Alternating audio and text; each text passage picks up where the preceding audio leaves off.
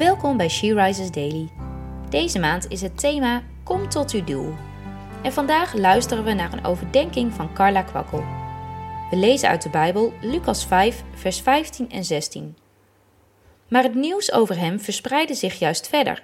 En grote mensenmassa's verzamelden zich om naar hem te luisteren en zich van hun ziekte te laten genezen.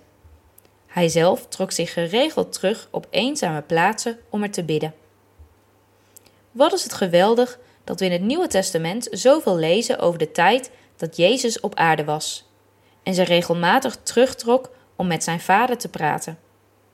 Ik denk dat Jezus soms best eenzaam was. Werd hij begrepen door de mensen? Ik denk het niet. Zijn discipelen geloofden dat hij de Messias was. Hij zou als koning heersen. Dat hadden ze voor ogen.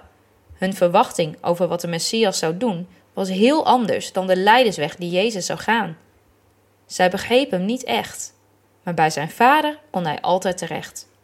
Daarom was die vertrouwelijke omgang tussen vader en zoon zo kostbaar en van levensbelang voor Jezus. Het ging Jezus ook helemaal niet om zijn doel in het leven.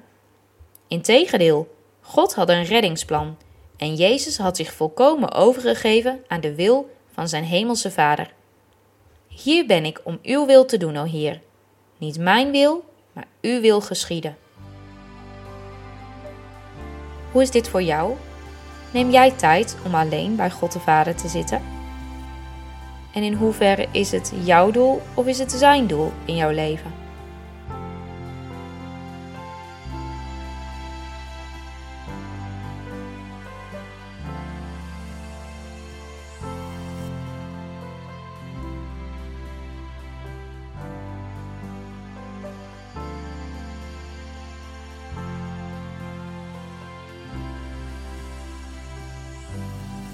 Laten we samen bidden. Vader God, dank u wel voor het voorbeeld van uw zoon Jezus, die zich terugtrok om met u te praten. Was het ooit zo ook in de Hof van Ede, Vader, toen Adam met u wandelde en met u sprak? Vader, dat wil ik ook. U kennen, steeds meer, tot de dag dat ik voor altijd bij u mag zijn. Amen. Je luisterde naar een podcast van She Rises. She Rises is een platform dat vrouwen wil bemoedigen en inspireren in hun relatie met God. We zijn ervan overtuigd dat het Gods verlangen is dat alle vrouwen over de hele wereld Hem leren kennen. Kijk op www.she-rises.nl voor meer informatie.